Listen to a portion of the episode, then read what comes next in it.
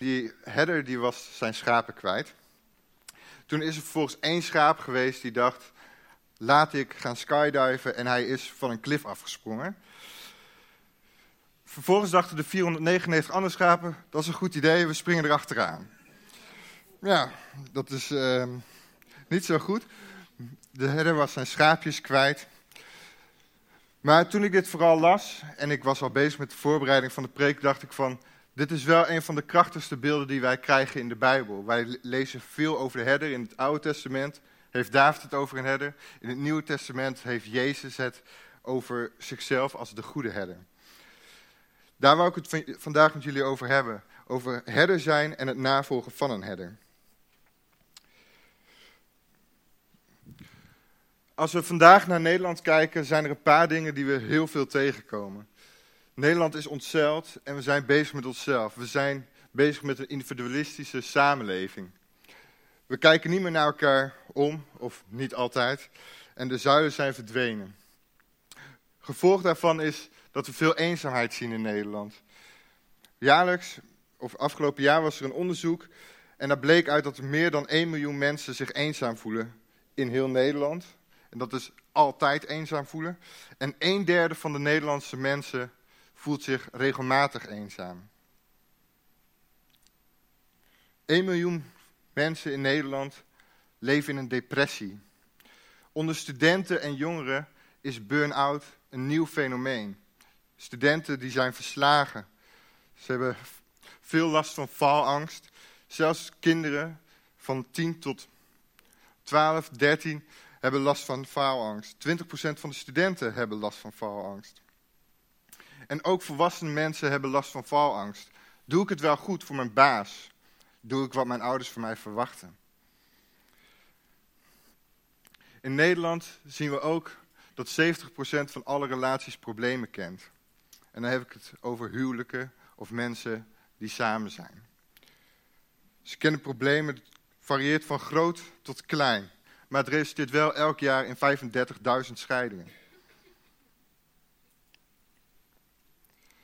Van die scheidingen, in die scheidingen heeft gemiddeld elk gezin ongeveer twee kinderen.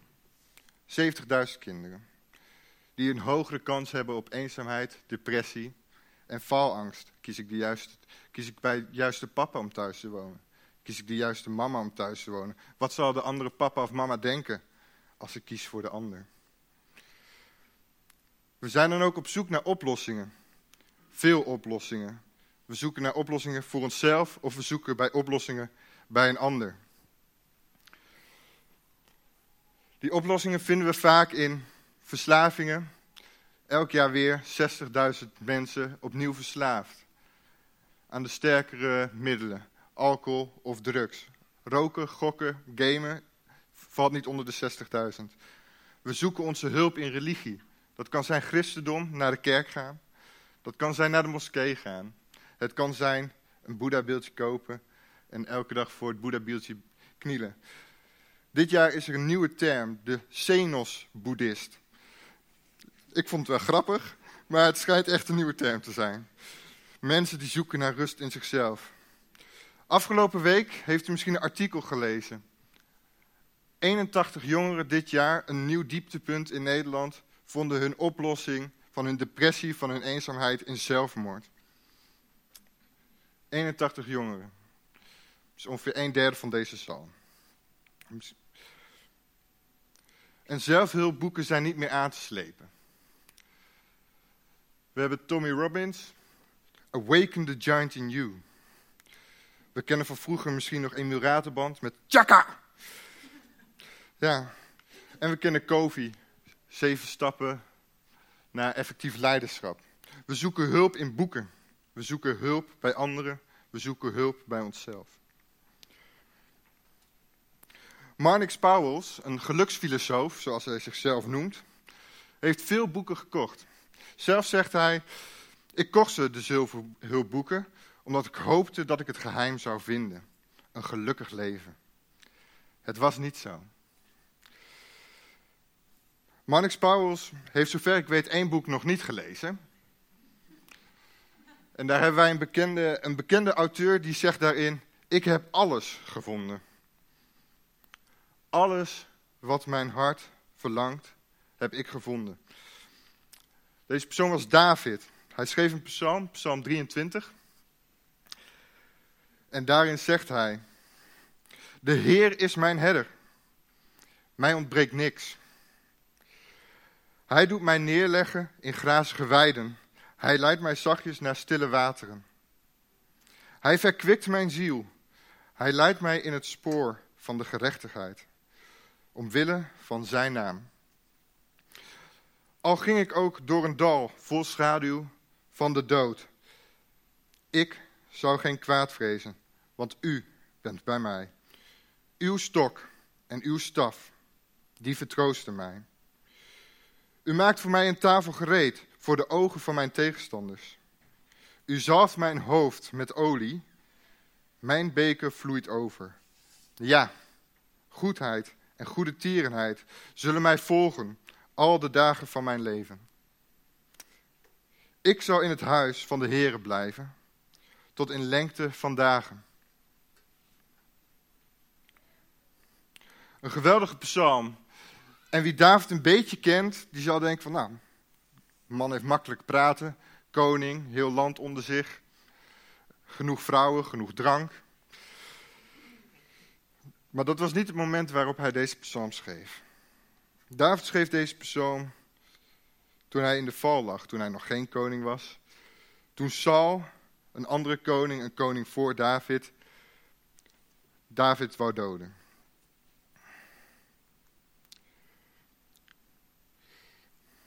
David vindt zijn herder in God. En daarom zeg ik jullie, laat God je herder zijn. David ziet God als herder en Jezus zegt van zichzelf, ik ben de goede herder.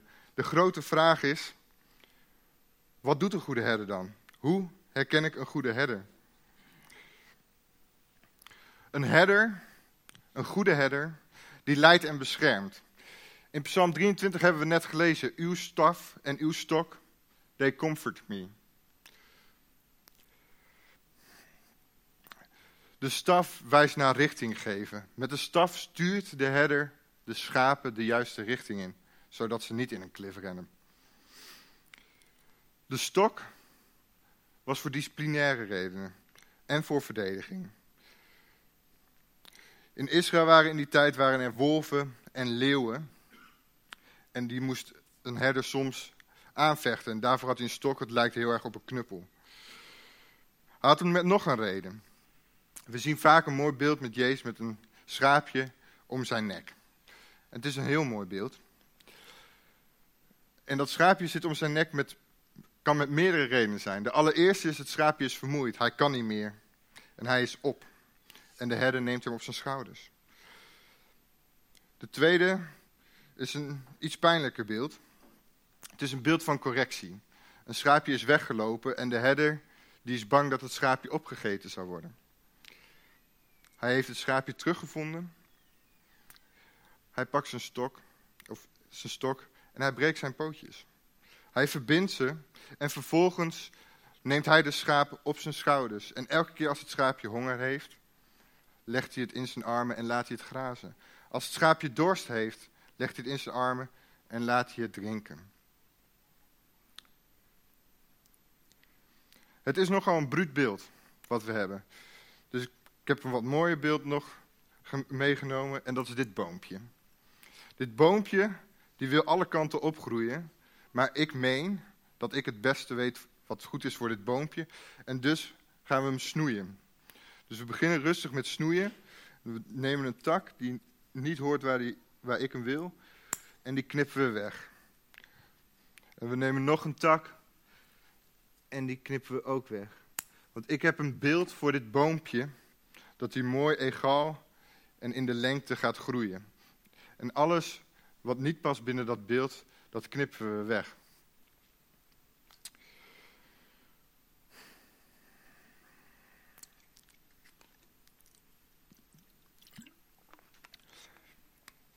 Het tweede wat een herder doet, is het geeft eten en drinken. Een herder zorgt ervoor dat de schaap eten en drinken heeft. Ik heb net wat verteld over eh, het schaapje waarvan de pootjes gebroken zijn, maar ook de andere schaapjes hebben voeding nodig. In Matthäus 4, vers 1 tot 4 wordt Jezus verzocht in de woestijn en hij heeft een gesprek met Satan. En Satan zegt tegen hem, maak van deze steen een brood. En Jezus zegt tegen hem, nee, want we zullen niet leven van brood alleen, maar van het gesproken woord van God.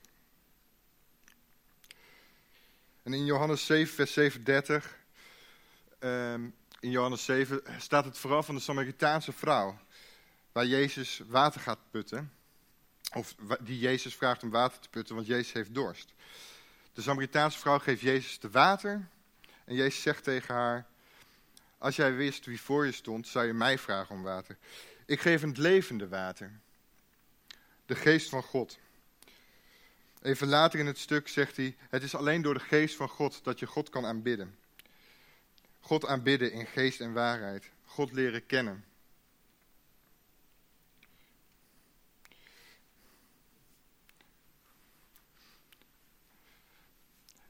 Ik wil graag wat van mijn eigen leven delen over de herders die ik in mijn leven heb gehad. Over de herder die ik gevonden heb. Op mijn dertiende ongeveer ben ik zelf de kerk uitgestapt. Ik zat uh, in een uh, kerk in een dorpje uh, boven in Groningen. En daar was veel, veel te doen de laatste tijd. Namelijk, er was een jong jongetje overleden. Een vriendje van mij. En een paar jaar later overleed weer een vriend van mij aan kanker. En ik wilde niks meer met God te maken hebben. Ik wist het zelf wel beter. Ik ging op stap. Ik maakte veelvuldig gebruik van alcohol, veelvuldig gebruik van drugs. En had seks met wie ik dat kon krijgen. Ik maakte mijzelf kapot. Ik maakte mensen om mij heen kapot. Totdat het niet meer ging. En ik s'avonds laat bij mijn ouders de, de deur binnenliep in de slaapkamer en zei: Ik heb hulp nodig. En hard ook. Dezelfde week nog zat ik bij een psycholoog. En ook dat was gematigd hulp. Ik vond geen voldoening. Ik vond geen kracht meer. En ik was op een pad naar zelfmoord.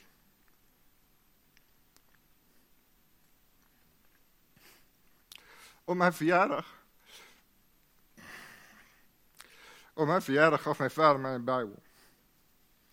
Ik was woedend. Je weet dat ik er niks mee te maken wil hebben. Ik heb hem onder mijn bed gegooid. Maar naarmate ik depressiever werd, begon ik erin te lezen. En ik las dingen die ik nog nooit geleerd had. Elke zondag werd de wet mij voorgelezen. Hou je hieraan, anders ben je een slecht mens. Ineens las ik over een Jezus die om ons gaf. Een Jezus die iemand vergaf. Een Jezus die zijn leven gaf. Voor ons. En ik ontdekte een andere Jezus dan ik altijd had leren kennen. En ik wilde weer naar de kerk gaan. Het verlangen werd in mij aangewakkerd om met onder de mensen te zijn. Om samen Jezus wil te zoeken. Na een tijdje werd ik meegenomen op een zomerkamp van At Least in Action. En hier had ik een heftige ontmoeting met wat ik geloof dat God is. Tijdens de, tijdens de zomerkamp hadden ze allemaal mooie liedjes over liefde en mooie preken over liefde. En haat vulde in mij.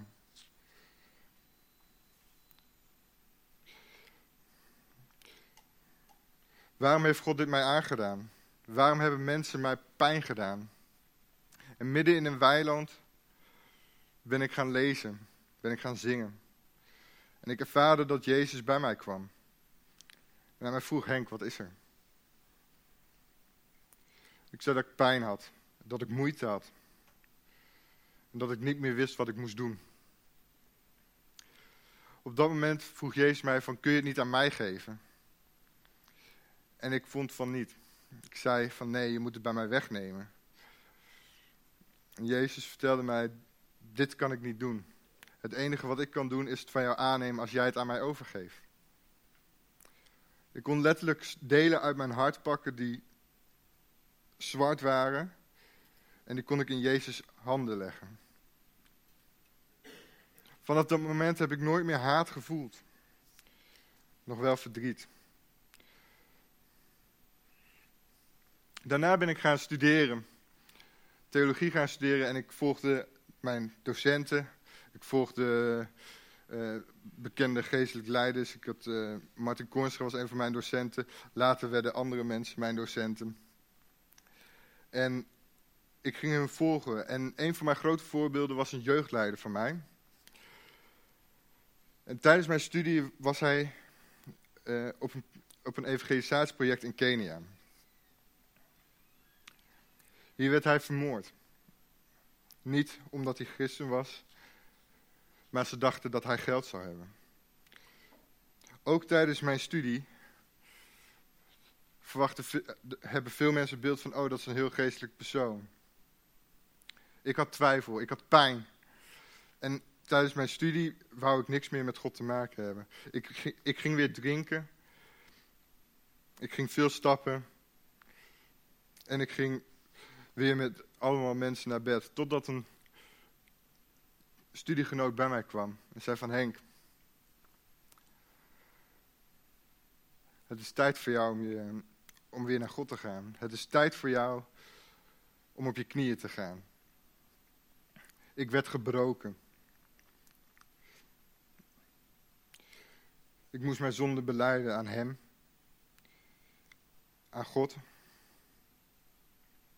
Maar op het moment dat ik mijn zonde beleed, groeide de passie weer.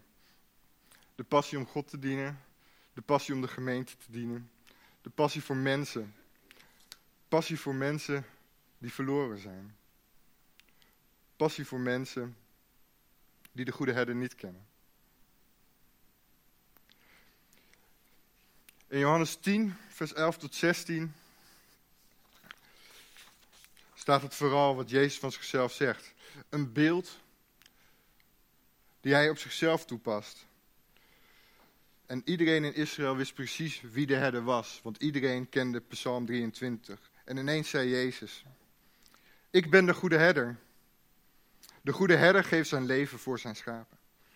Maar de huurling, en wie geen herder is, die de schapen niet tot eigendom heeft, ziet de wolf komen en laat de schapen in de steek en vlucht.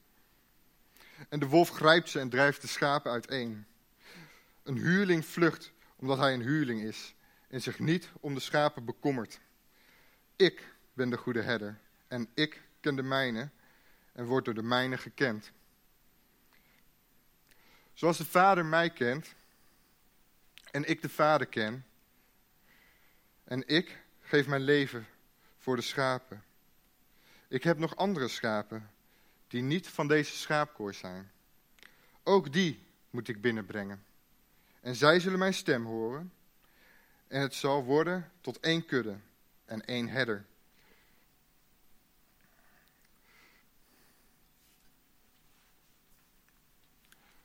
Jezus is de goede herder. En hij spreekt zelf over huurlingen en de goede herder. Aan het begin van de preek zei ik iets over we volgen onszelf, we volgen anderen. We volgen huurlingen of we zijn zelf het schaapje die zijn eigen wil doet. Maar Jezus heeft zijn leven gegeven zodat wij tot recht mogen komen. Dat wij mogen genezen, dat wij mogen worden zoals hij het bedoeld heeft. Hij heeft zijn vlees gegeven. Hij is gestorven aan een kruis. Hij heeft zijn leven afgelegd. Maar na drie dagen stond hij op. Hij overwon de dood. En zit nu aan de rechterhand van de Vader. Er is geen beter beeld voor wat Jezus heeft gedaan dan dat wat wij hebben gevierd tijdens de aanbidding. De wijn, de brood die wij tot ons genomen hebben. Wij hebben Jezus dood ons eigen gemaakt. We hebben getuigd van wie Hij is.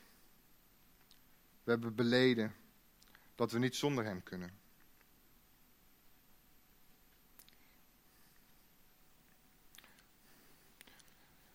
Een goede herder die leidt en beschermt. Een goede herder geeft te eten en te drinken. Een goede herder is bereid zijn leven voor jou te geven.